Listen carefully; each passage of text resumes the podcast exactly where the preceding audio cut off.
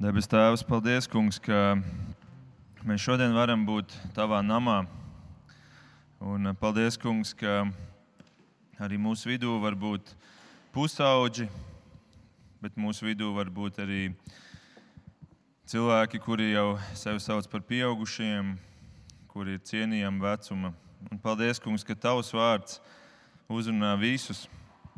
Un es lūdzu, kungs, ka mēs šodien varētu būt arī klausītāji, kuri grib sadzirdēt to, ko tu gribi pateikt mums. Lūdzu, kungs, dod, ka šodienas vārds varētu būt arī, kā mēs dziedājām, kā gaisma mūsu tālākajam ceļam. To mēs visi lūdzam Jēzus vārdā. Amen. Lūdzu, sēdieties!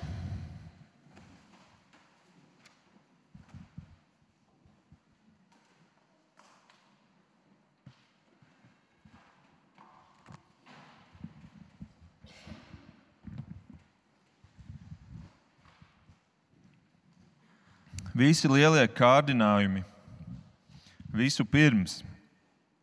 Parādās prāta reģionā. Un var tikt apkaroti un uzvarēti tur. Mums ir dota spēja ar prātu aizvērt tām durvis, bet mēs varam šo spēju pazaudēt, ja to nelietojam. Vai tieši pretēji to pastiprināt caur tās lietošanu un caur paļaušanos uz patiesības vārdu. Caur to Dievs it kā saka tev, mācies dzīvot pēc gribas, nevis pēc sajūtām.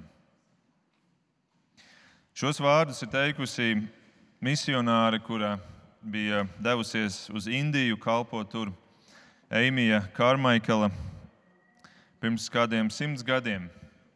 Un, manuprāt, viņas vārdi ir šodien aktuālāki nekā jebkad iepriekš. Jo šodien cilvēks ar vien lielāku uzsvaru liek uz sajūtām. Vai jūs to esat novērojuši mūsu sabiedrībā dzīvojot? Dzīves jēga tiek definēta pēc tā, cik laimīgs es jūtos. Pamatmērķis dzīvē ir tas, kam mēs visu pakārtojam, proti, ka es gribu justies laimīgs. Es gribu justies laimīgs. Laulības tiek mūsdienās jau definētas pēc sajūtām. Ja es nejūtos vairs laimīgs šajā laulībā ar šo cilvēku, ja šis cilvēks vairs mani nevar padarīt laimīgu, man vairs nav iemesla palikt kopā, ir jāšķirās. Pat tāda lieta kā dzimums šodien tiek pārdefinēts pēc sajūtām. Šodien es jūtos kā vīrietis, bet varbūt rīt es jutīšos kā sieviete. Un, ja parīt es vairs nejutīšos kā sieviete, varbūt es jutīšos kā abi.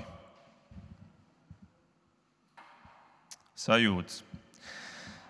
Un arī kristiešu vidū sajūtas nereti dominē pār prātu par prāta vadītu gribu. Tad dominē tas, kā es jūtos, nevis tas, ko es zinu, ko es esmu mācījies, ko es apzinos, kas ir patiesība par to garīgo realitāti. Un tad dzīvē pienāk tāds tūkstneša periods vai tāda tumšā ieleja, kas ir pavisam normāla sastāvdaļa jebkurai pilnvērtīgai dzīvei.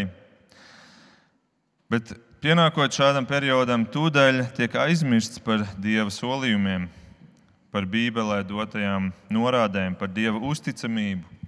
Un tā vietā iezogās šīs sajūtas, pilnas šaubām, pilnas kurnēšanas. Mēs nu jau, paldies Dievam, varam teikt, ka mēs esam izgājuši ārā no tā laika, kuru mēs saucām par Covid pandēmiju. Bet šis laiks bija pilns sajūtām, baiļu sajūtām, kur reizēm cilvēkiem likās, ka ir norauts pamats zem kājām nost. Pēc tam pienāk karš kaimiņu valstī, kas līdz nes to lielo neziņu, un atkal ir sajūta, ka pamats tiek izrauts zem kājām. Un tieši tāpat kā mēs to novērojam sabiedrībā kopumā, tāpat arī kristiešu vidū šīs bailes pieauga un šī neziņa un šīs šaubas. Un tad ir jautājums, ar ko tas kristietis ir atšķirīgs no pārējās sabiedrības. Sajūta gūst virsroku. Mārtiņš Luters ir teicis, tev nevajadzētu ticēt savai sirdsapziņai un savām sajūtām vairāk nekā tam vārdam, kuru tas kungs, kurš pieņem grēciniekus, sludina tev. Lai cīnītos pret visu šo nestabilitāti sajūtās, ir nepieciešams ieguldīt prātā, atziņas izaugsmē. Kā arī Bībele to mums māca, ka, lai tava mīlestība apauga ar atziņu, lai tā kļūst stipra. Un to mēs arī cenšamies darīt ikdienā mūsu draugiem. Mēs ikdienā studējam cauri Jāņa evaņģēliem, bet, kā jūs zināt, šobrīd mēs esam paņēmuši maziņu pauzīti, vasaras pauzīti, kur mēs trīs svētdienas veltam citai tēmai, un tā tēma ir Bībeles paradoksi. Bībeles paradoksi, pretrunas, kuras ir Bībelē, kuras mēs noliekam blakus viena otrai un mēģinam saprast, kā viņas tomēr iet kopā. Un šo minisēriju šodien noslēgšu. Un, um, pirmajā reizē, kad mēs runājām par šo tēmu, tad jūs varbūt atceraties, es citēju skotu teologu Džonu Muriju, kurš teica, ka katrā lielajā svēto rakstu doktrīnā, jeb mācībā, jeb tēmā, tu atradīsi šķietamus paradoksus. Un atcerieties, es jūs izaicināju, ka ejot cauri tiem paradoksiem, mums līdz šim ir bijuši seši. Skatāmies uz to, ko tas, par ko tas liecina. Vai tas liecina par to, ka tā ir kļūda Bībelē, ka ir šīs pretrunas? Vai arī mēs ieraugam to, ka šie paradoksi ir tik sistemātiski izsēti visās tēmās, ka acīm redzot, viņiem tur ir jābūt, un acīm redzot, viņi liecina par to, ka tur ir kāds lielāks autors šim Bībeles tekstam jo tie ir šī lielā autora pirksta nospiedumi. Un no, to es arī aicinu šodien, kad mēs domāsim par atlikušajiem. Tie, protams, nav visi Bībeles, ir, ir, ir vēl daudz citu, bet tie būs tie, kurus mēs šajā minisērijā apskatīsim. Un es aicinu, ka tu arī pieeji šim, šim jautājumam tā, ka šie paradoksi, saprotot šos paradoksus, tas var mums ļaut aizvērt tās prāta durvis pretī šaubām. Kad nāk iekšā šaubas mūsu dzīvē, šīs sajūtas, ka mēs varam tās durtiņas aizvērt ciet, jo mēs zinām par to, kas ir Bībelē rakstīts. Mēs zinām par to, ka Dievs ir uzticams. Mēs zinām par to, ka Dievs runā patiesību. Nu tā, mēs iepriekš aplūkojam pirmajā reizē trīs paradoksus, kas bija par un ap Dievu Es jums īsi vienkārši vēlreiz atsaukšu atmiņā. Pirmais paradoks bija par to, ka Jēzus ir simtprocentīgi dievs, bet vienlaicīgi simtprocentīgi cilvēks. Un šīs divas patiesības nevar saprast prātā. Nevar saprast, kā, kā, die, kā Jēzus var vienlaicīgi būt visu zinošs, bet tajā pašā laikā kaut ko nezināt, kaut ko apzināti nezināt. Tad otrais paradoks bija Dieva trīsvienība. Ka tā vienlaikus ir simtprocentīgi viens skaitlis, jo ir viens Dievs. Bet tajā pašā laikā tā ir simtprocentīgi daudz skaitlis, ka Dievs ir trīs personas. Paradoks. Trešais paradoks bija Bībeles autorība. Kurš ir sarakstījis Bībeli? Simtprocentīgi cilvēks ar visu savu prātu, vārdu krājumu, ar savu stilu, kā rakstīt. Bet vienlaikus simtprocentīgi Dievs, Bībele to saka, ka visi, visa Bībele ir Dieva inspirēta, Dieva autordarbs. Un tad pagājušajā svētdienā mēs domājam par trīs paradoksiem, kas bija par un ap kristiešiem, par un ap cilvēku. Pirmais bija lūkšana, tātad kā mēs komunicējam ar Dievu. Un tur mēs mācījāmies, ka Tā ir simtprocentīgi mūsu atbildība, ka lūkšanas sasniedz to mērķi, proti, to, ko mēs izlūdzam. Bet tajā pašā laikā tā ir arī simtprocentīgi Dieva atbildība, jo Dievs visu jau zina, pirms mēs viņu lūdzam. Un tad bija piektais paradoks kristiešu dzīve. Kurš dzīvo viņu? Mēs. Un mēs tur redzējām, ka tā ir simtprocentīgi mūsu atbildība izdarīt izvēles šodien, kuras kā mēs dzīvosim. Bet vienlaikus Bībelē māca, ka Kristus dzīvo mūsos un Kristus uzņemas šo pilno atbildību. Un tad mēs noslēdzām pagājušajā reizē ar sesto paradoksu, kas bija darbi. Proti, kā darbi ietekmē to, kā mēs tiekam glābti, jo Bībele māca no vienas puses, ka tā ir žēlastībā, ticībā iegūta glābšana. Bet tajā pašā laikā ticība bez darbiem ir mirusi.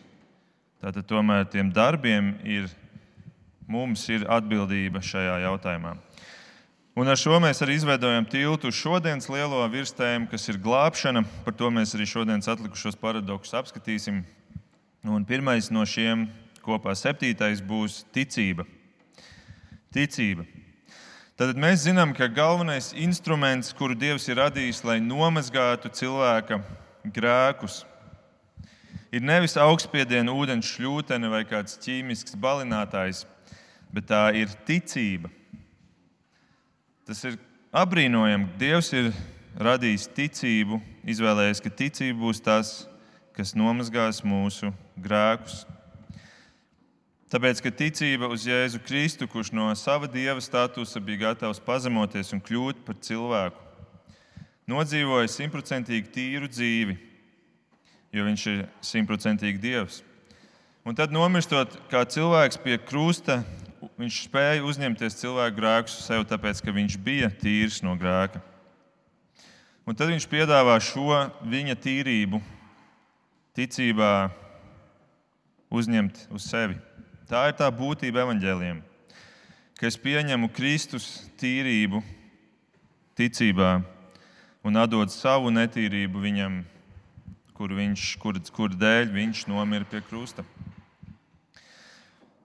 Un, eh, kā jūs droši vien zināt, tas slavenākais Bībeles pants Bībelē to arī saka Jāņa 3.16. Jo Dievs tā pasauli mīlēja, ka deva savu vienpiedzimušo dēlu, lai ik viens, kas viņam tic, ik viens, kas izmanto šo tīrīšanas instrumentu ticību, nepazustu, bet tam būtu mūžīgā dzīvība. Tātad mēs šeit redzam, ticība tā ir darbība, kura tiek prasīta no cilvēka. Tā tiek prasīta no tevis. Ja tu šodien Dievam pagriez muguru un saki, es neticēšu Jēzus piedāvātajam upurim šai tīrībai, tad tā būs tava atbildība, kas tiks no tevis atprasīta. Tātad tā ir pilnība, pilnībā simtprocentīgi cilvēka atbildība ticēt, lai ik viens, kas viņam tic, nepazustu. Un to arī apstiprina ebrejiem 11, kur ir teikts, bez ticības nav iespējams dievam patikt. Tam, kas tuvojas dievam, ir jātic, ka dievs ir un ka viņš atalgo tos, kas viņu meklē. Tad atkal mēs redzam, bez ticības tu nevari patikt dievam. Tev ir jātic, tas tiek prasīts no tevis, tā ir tava atbildība. Ļoti skaidra vārda, tā ir cilvēka atbildība ticēt. Tā ir prasība. Tā ir nepieciešamība, bez kuras tu nevari patikt Dievam.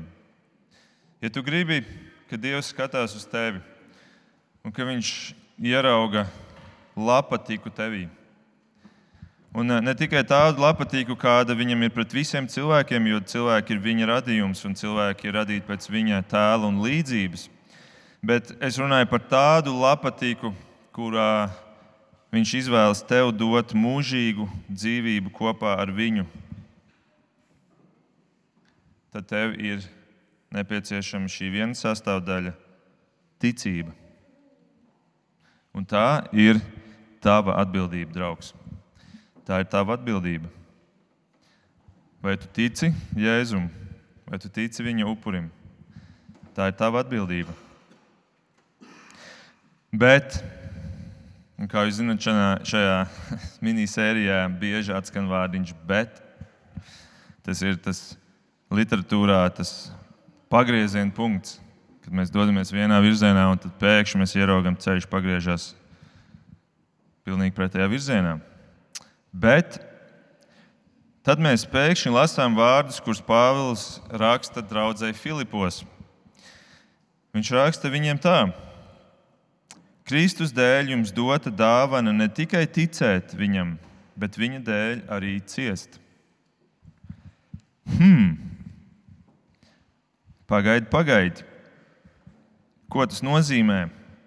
Kristus dēļ jums dota dāvana ne tikai ticēt. Tad tu gribi teikt, ka tomēr ticēšana tā ir Dieva dāvana, tā ir dāvana no Dieva. Tad sanāk, tā tomēr nav mana atbildība, jo nevis man ir šī ticība no sevis kaut kā jāizspiež ārā, bet tā ticība man tiek iedot kā dāvana. Tā man tiek uzdāvināta.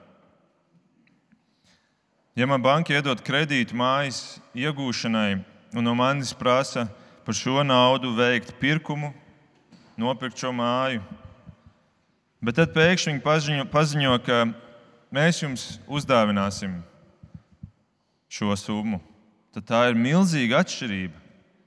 Tā vairs nav tava atbildība, bet tev kaut kas tiek uzdāvināts.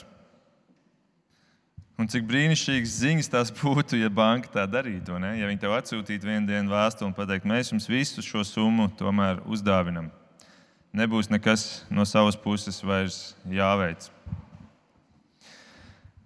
Bet sanāk, ka tieši to Dievs dara ar šo ticību. Pāvils līdzīgs vārds raksta arī vēl vienai citai draudzēji, Efesā, arī par šo tēmu. Paklausieties! Jo žēlastībā jūs esat izglābti caur ticību. Tik tālu viss skaidrs. Bet tad tas nenāk no jums, tā ir Dieva dāvana. Atkal Dieva dāvana. Un visas pasaules reliģijas māca, ka izlīgums ar, ar Dievu ir jānopelna, ir jāmaksā kaut kas, ir jādod kaut kas.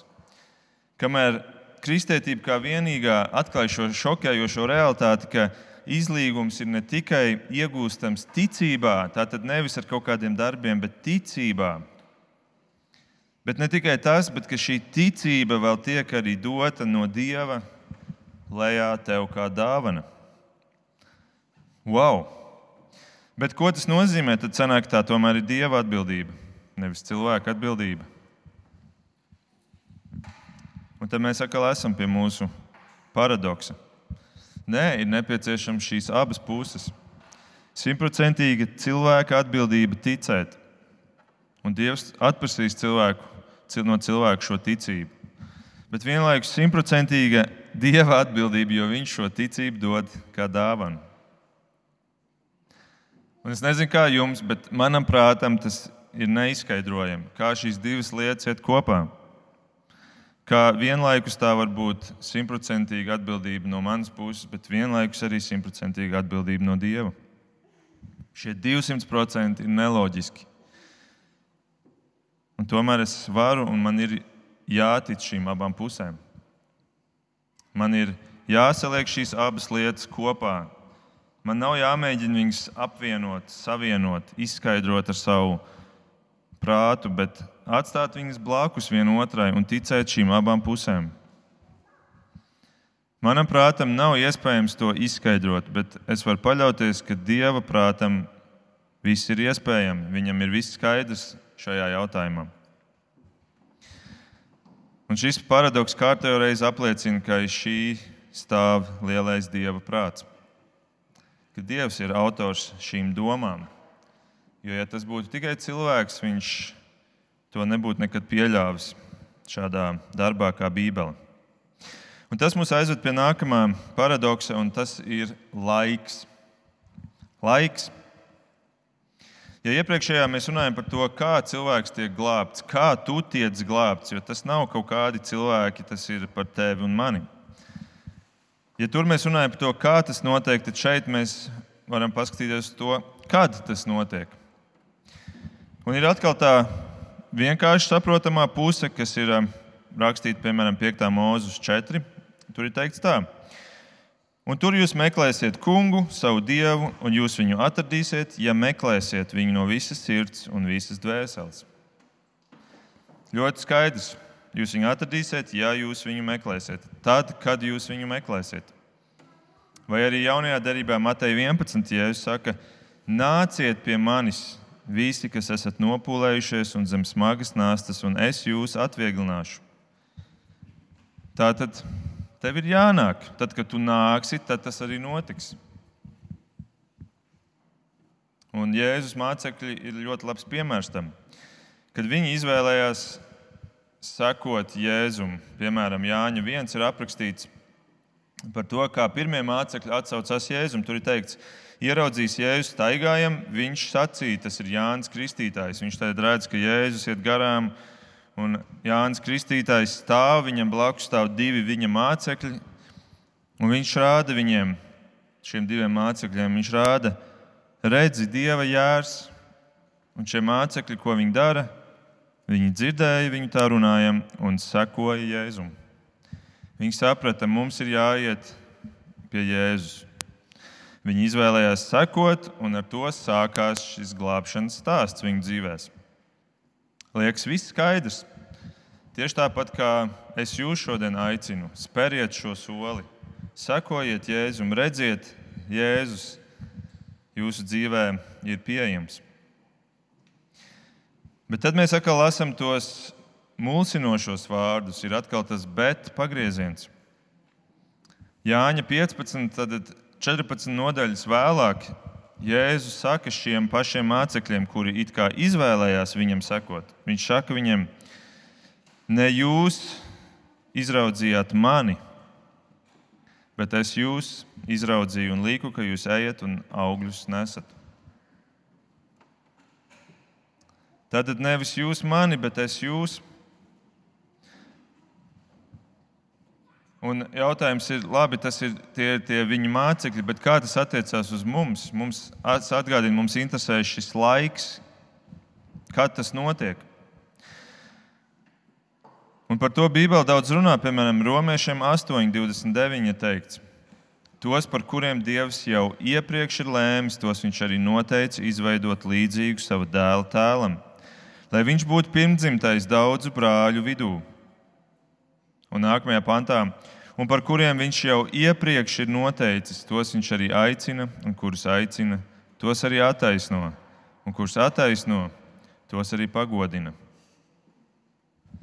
Tad mēs redzam šo vārdiņu iepriekš. Dievs kaut ko jau iepriekš ir izlēmis. Pirms mēs izlemjam, Dievs jau ir kaut ko izlēmis iepriekš.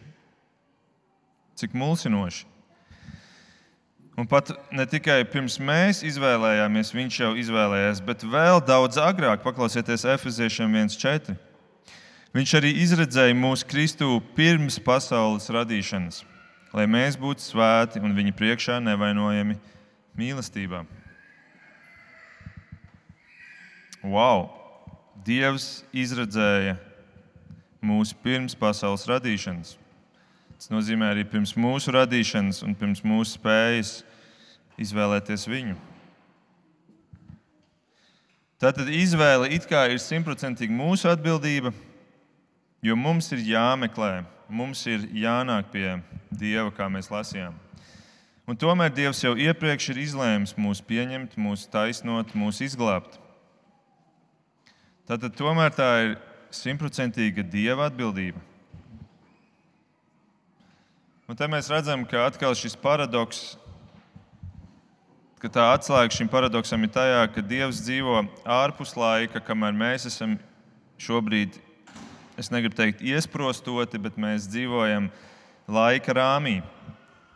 Bet Dievam nav laika, līdz ar to tas, kas notiek mums secībā, kaut kādā, viņam jau notiek mūžībā. Un uh, 2. pētera 3.8. Pēters ar saviem vārdiem mēģina protams, nepilnīgi, bet mēģina parādīt to, ka, Dievam ir, ka Dievs dzīvo ārpus laika, kur viņš saka, kungam viena diena ir kā tūkstoši gadu, un tūkstoši gadu kā viena diena. kas, starp citu, ir arī paradoks. Un tā nu, tas, ka mēs izvēlamies ticēt Jēzum, ir bijis Dieva lēmums jau pirms mūsu radīšanas. Un, ja jūs līdz šim neesat īsti sapratuši, ko nozīmē vārds žēlastība, tad tieši to tas arī nozīmē. Pirms tu kaut ko esi izdarījis, labu vai sliktu, kad Dievs jau ir izdarījis savu izvēli. Tad viņš ir mūsu izredzējis, un tomēr arī mēs izvēlamies. Tas ir tas paradoks, un tas ir tas, ko mēs abas šīs puses atkal paņemam, noliekam blakus, ticam abām pusēm un neļaujam sevi izšaubīt, kad kādi māca to vienu pusi tikai, vai citi māca tikai to otru pusi, un tad mēs redzam, ka viņi sāk strīdēties savā starpā par šīm divām pusēm. Mums ir jātic abām pusēm, mēs viņus noliekam blakus un ticam viņām.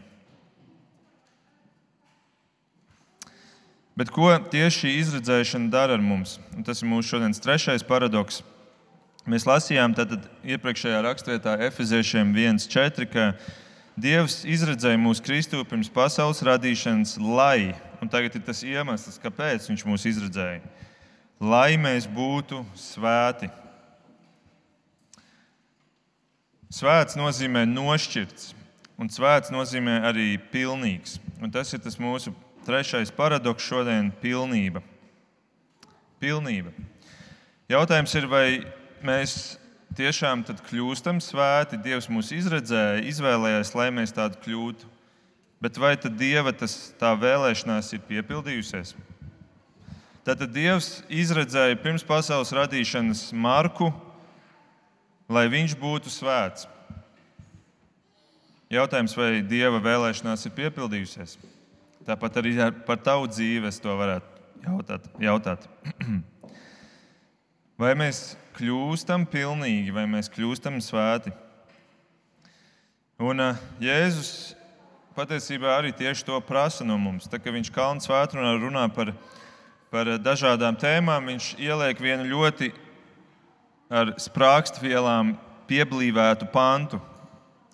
Un tas pants skan šādi: Topiet pilnīgi, kā jūsu debesu Tēvs ir pilnīgs. Tad viņš to prasa no mums. Tev ir jākļūst pilnīgam. Tev ir jākļūst pilnīgam. Un tad mēs skatāmies uz savu dzīvi, un mēs jau esam kaut mazliet godīgi. Mēs sakam, es esmu ļoti tālu no pilnības. Es esmu ļoti tālu no pilnības ar saviem darbiem, ar saviem vārdiem, Un ja vēl kāds redzētu manas domas, nav iespējams piepildīt šos Jēzus vārdus. Un tad ir tik mierinoši lasīt tādu Bībeles pantu, kādu, piemēram, Pāvils raksta Efeziešiem 3. nodaļā, 12. pantā, kur ir teikts, kur viņš saka, nav tā, ka es jau būtu ieguvis vai būtu darīgs, darīts pilnīgs bet es dzēnos pēc tā, lai iegūtu, jo ar to Kristus Jēzus ir mani ieguvis. Mēs izlasām šo pāntu, mēs sakām, fu, cik labi, paldies, Pāvils, jo tu runā, tu runā burtiski manus vārdus, to, ko es gribēju pateikt, to tu šeit pasaki, jo es neesmu vēl pilnīgs. Un cik labi, ka tu, Pāvils, arī to vari pateikt par sevi. Tad kristietis vēl ir nepilnīgs, cik labi. Bet tad mēs tajā pašā raksturvietā palasām tālāk divus pantus. Un ir atkal jautājums, bet pagaidi, pagaidi, Pāvils, kas te notiek? 15. pāns, divi panti tālāk. Tad, nu, visi pilnīgie domāsim tā. Un tad viņš turpina. Visi pilnīgie. Tu tikko teici, ka tu neesi pilnīgs, un tagad tu uzrunā pilnīgos. Par kuriem pilnīgiem tu runā? Un skaidrs, ka Pāvils par pilnīgiem var nosaukt tikai kristiešus, kur ir Kristū. Tātad viņš runā par kristiešiem, kad viņi tomēr ir pilnīgi. Un tad īsi izpēta vēl cauri Bībelē, mums liek uzdurties vēl vienam līdzīgam pantam, kurus Pāvils raksta Korintas draudzē, kur viņš raksta, Mēs sludinām gudrību pilnīgajiem.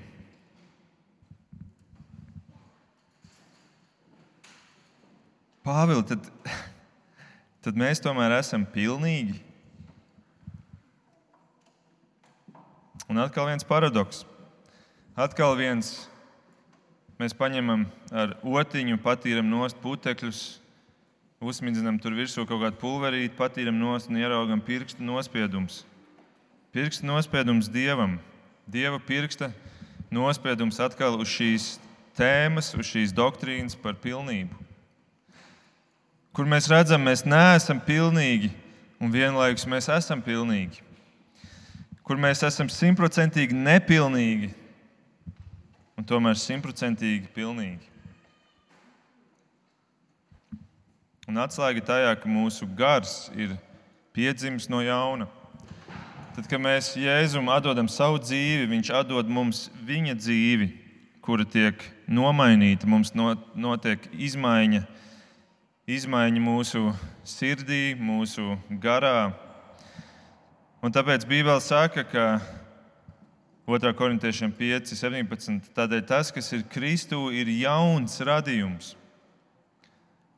Ir tikusi no, veikta nomaiņa, ir piedzimis kaut kas jauns. Viss vecais ir pagājis, un redzi, viss ir tapis jauns. Un tur ienāk šī pilnība, tāpēc ka tā ir mūsu garīgā realitāte, mūsu garīgais cilvēks, mūsu gars piedzimis no jauna. Bet mūsu miesa Vai mūsu miesa ir jau nomainījusies uz tādu miesu, kādu Jēzus sola visiem tiem, kuri piecelsies no mirušajiem? Tā kā viņam bija miesa, kura bija jauna, kura varēja iet cauri sienai, kura varēja darīt lietas, parādīties, pazust. Nē, mēs esam joprojām vecajā miesā. Mēs esam vecajā kritušajā miesā, līdz ar to tas apvalks ir joprojām vecais, nepilnīgais bet iekšā ir ielikta jauna sirds, jauns gars.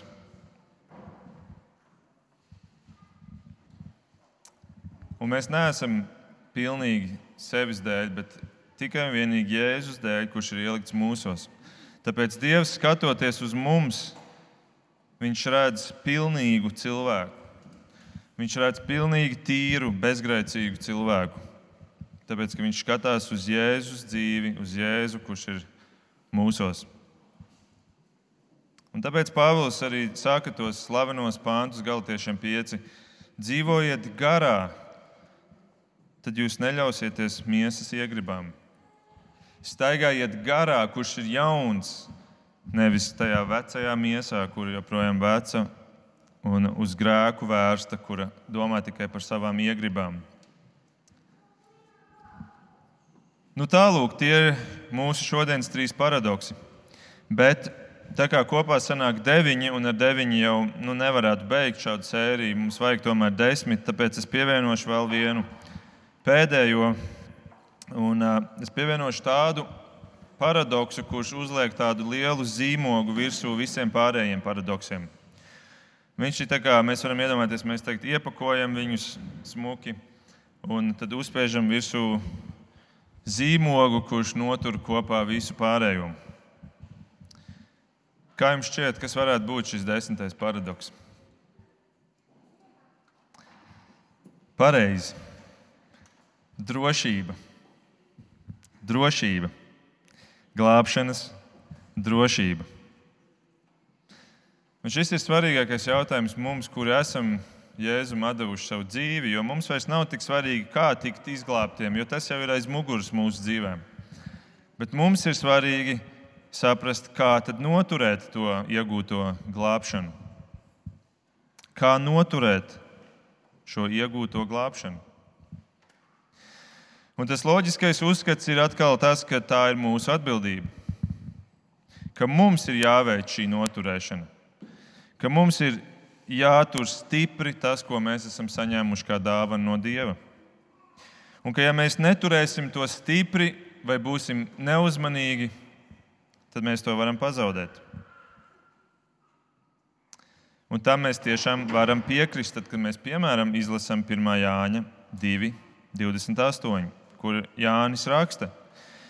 Tā nu, bērniņi, palieciet viņā, lai, kad viņš parādīsies, mums būtu paļāvība. Bērniņi, palieciet viņā. Palieciet, neiet prom no viņa, neiziet ār, neiziet ārā no, no šīs skaistās telpas, kurā tu esi ielikts. Paliec šeit, paliec viņā, paliec Jēzū. Ir skaidri pateikts, palieciet, tā ir pavēle, un atkal mēs varam secināt, tā ir simtprocentīgi mūsu atbildība - palikt viņā. Un šo nesaka tikai apstults Jānis šajā savā vēstulē, bet to arī uzsver Pāvils. Piemēram, tiem pašiem jau šodien vairāk kārt pieminētajiem filipiešiem, viņš raksta otrajā nodaļā. Tādēļ, mani mīļie, kā jūs vienmēr esat bijuši paklausīgi, bijībā drabot, darbojieties savas pestīšanas labā. Arī Pāvils pavēla, darbojieties savas pestīšanas labā. Un šeit tā pestīšanas labā nav domāts tik daudz kā iegūt to pestīšanu, jo šeit jau viņš runā par kristiešiem, bet kā noturēt to līdz galam, lai tu beigās esi pestīts, glābts. Viņš ļoti skaidri saka, viņš saka, darbojieties, ir kaut kas jādara, kaut kas darboties nozīmē, tu kaut ko rokas kustini, kājas kustini, smadzenes kustini, kaut ko dari, tu darbojies. Ja tu aizej uz darbu, pirmdien no rīta, tad no tevis sagaida, ka tu nevis sēdēsi savā krēslā un gulēsi, bet ka tu darbosies. Pāvils saka, darbojieties, ir kaut kas jādara. Un ne tikai tas, viņš saka, bijībā drebot, darbojieties. Wow, kas, kas, kas tas ir par līmeni? Kad tu pēdējo reizi esi drebējis? Kad tu pēdējo reizi esi trīcējis? Un es nedomāju no augstuma vai, vai braucot pa nelīdzenu ceļu, kad tu drebi, bet, bet aiz bijības. Aiz bijības drebējis. Tas ir ļoti nopietns stāvoklis. Es atceros, ka es pēdējo reizi esmu drebējis kādreiz pēc sludināšanas šeit, kad es noeju nost un man rīts rokas un bišķiņa ķermenis, jo es apzinos to atbildību, ko nozīmē stāvēt šeit un runāt Dieva vārdā, Dieva vietā. Tā ir liela atbildība. Bijībā drabot, darbojieties savas pestīšanas labā, lai to beigās iegūtu. Tā tad jā, simtprocentīgi cilvēka atbildība ir jādarbojas, ir pat jādrab. Jautājums tev un man, vai mēs to darām? Vai mēs dzīvojam ar, tādu, ar tādām trīsām, ar tādu bijību pret to, kas mums ir iedots, un ka mēs esam gatavi iet un darboties, darboties draudzē, darboties, aicinot savus draugus apkārt, runājot ar viņiem, mēģinot viņus aizsniegt. Vai mēs darbojamies? Un nevis tikai darbojamies laicīgajos darbos, bet garīgajā darbā, vai mēs darbojamies, un ne tikai darbojamies, bet ar bijību, drabot, darbojamies. Bet tas, ko es gribu šeit uzsvērt, tā ir simtprocentīgi cilvēka atbildība. Tā tas izklausās šeit. Un tad ir mūsu pēdējā reize, kad mēs pagriežamies pretējā virzienā ar savu bet. bet Nākamais pants šim pašam pantam, kurā Pāvils runā par šo bijību, par šo drebēšanu. Paklausieties, tas ir vienkārši apbrīnojami. Nākamais pants. Tātad darbojieties ticībā, bijībā, drabot, jo Dievs ir tas, kas pēc savas labās gribas rosina gan jūsu gribēšanu, gan darbošanos. Kas? no vienas puses tici, trīci, drebi, bijībā un darbojies.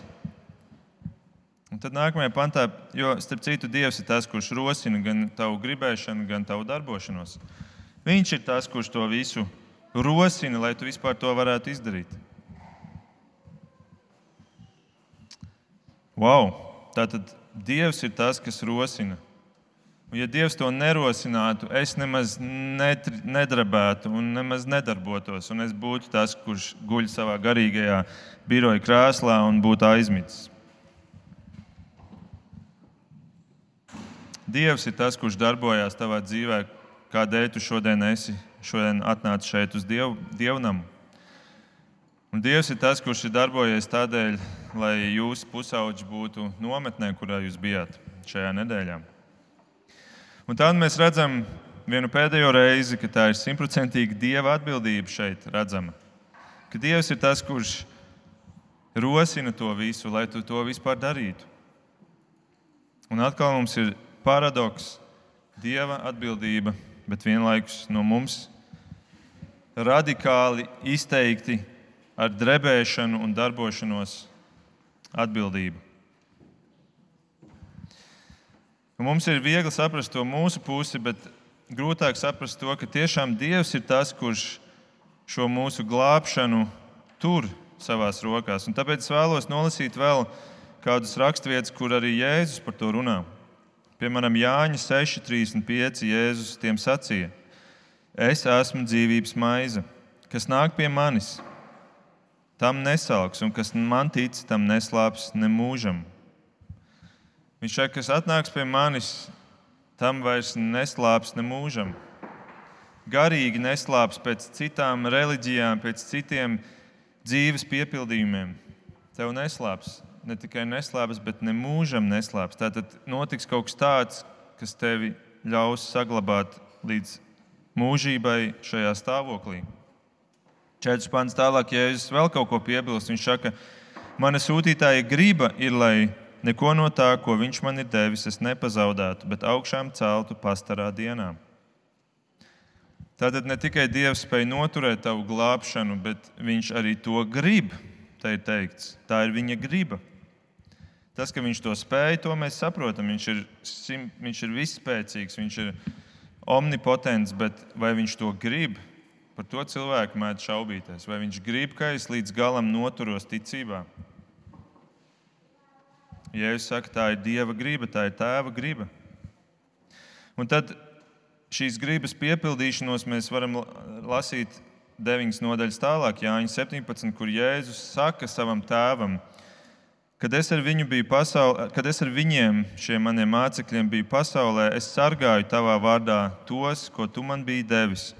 Es tos pasargāju, un neviens no viņiem nav pazudis, kā vien pazušanas dēls, lai piepildītos raksti. Redziet, Jēzus notur savējos šajā glābšanā. Dievs negrib, ka pazūd. Un, uh, mēs varētu vēl raksturvietas apskatīties, bet es domāju, tā doma ir skaidra. Un, un, uh, mēs redzam, ka to dara ne tikai Jēzus, bet arī Tēvs tur. Jēzus saka, ka neviens nevarēs izraut no Tēva rokām. Un arī Svētais Gars mūs tur. Efeziešiem viens ir teikts, ka Svētais Gars mums ir iedots kā zīmoks, kā ķīla tam, ka mēs aizsniegsim šo mantojumu, saņemsim to mantojumu, kur dēļ Jēzus mums ir devis šo ticības dāvanu, par kuru es runāju sākumā. Un tā nu mums ir šis noslēdzošais paradoks, kur mēs redzam, ka tā ir mūsu atbildība turēt šo ticību. Bet vienlaikus tā ir Dieva atbildība, kur Viņš uzņemas, lai mēs spētu to līdz galam noturēt.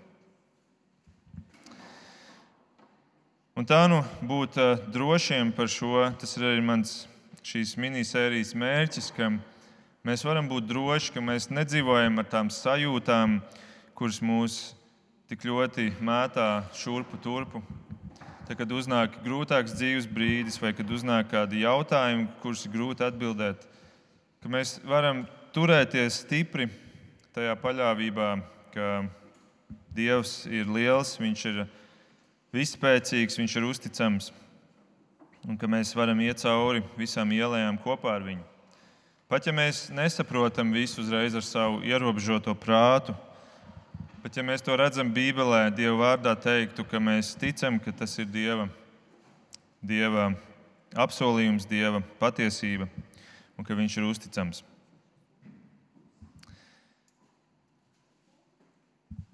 Lūksim Dievu. Debes Tēvs, paldies Tev par šīm trim svētdienām, kurās mēs varējām paskatīties uz to skaisto, bet arī sarežģīto pusi tavam vārdam, taviem vārdiem, kurus tu mums esi atstājis. Bet paldies, kungs, ka tad, kad mēs to mēģinām aplūkot ar patiesu vēlmi saprast, tad arī tu mums parādi, ka visam tam, ko tu esi savā vārdā līdzis, mēs varam uzticēties. Mēs varam tam ticēt, mēs varam varbūt nesaprast līdz galam, bet tomēr apzināties, ka šīs abas puses ir realitāte, patiesība. Un pāri visam, kungs, paldies, ka šajā sērijā mēs varam tik labi redzēt, ka tu vēlies sadarboties ar mums, ka tu nedari visas šīs lietas pats, bet tu iesaisti mūs, tu dod mums pilnu atbildību, ka tu sagaidi no mums to, ko tu prasi, bet vienlaikus tu palīdzi mums. Un paldies par to, kungs. Un es lūdzu, ka katrs, kurš ir pārdomājis šos vārdus, tiešām varētu iet arī stiprināts tālāk savā ikdienā un būt tas, kurš drēbēdams bijībā iet un darbojas. Darbojas ne tikai savas pestīšanas labā, bet arī citu. Lūdzu, svētī mūsu kungs, to mēs lūdzam Jēzus vārdā. Amen.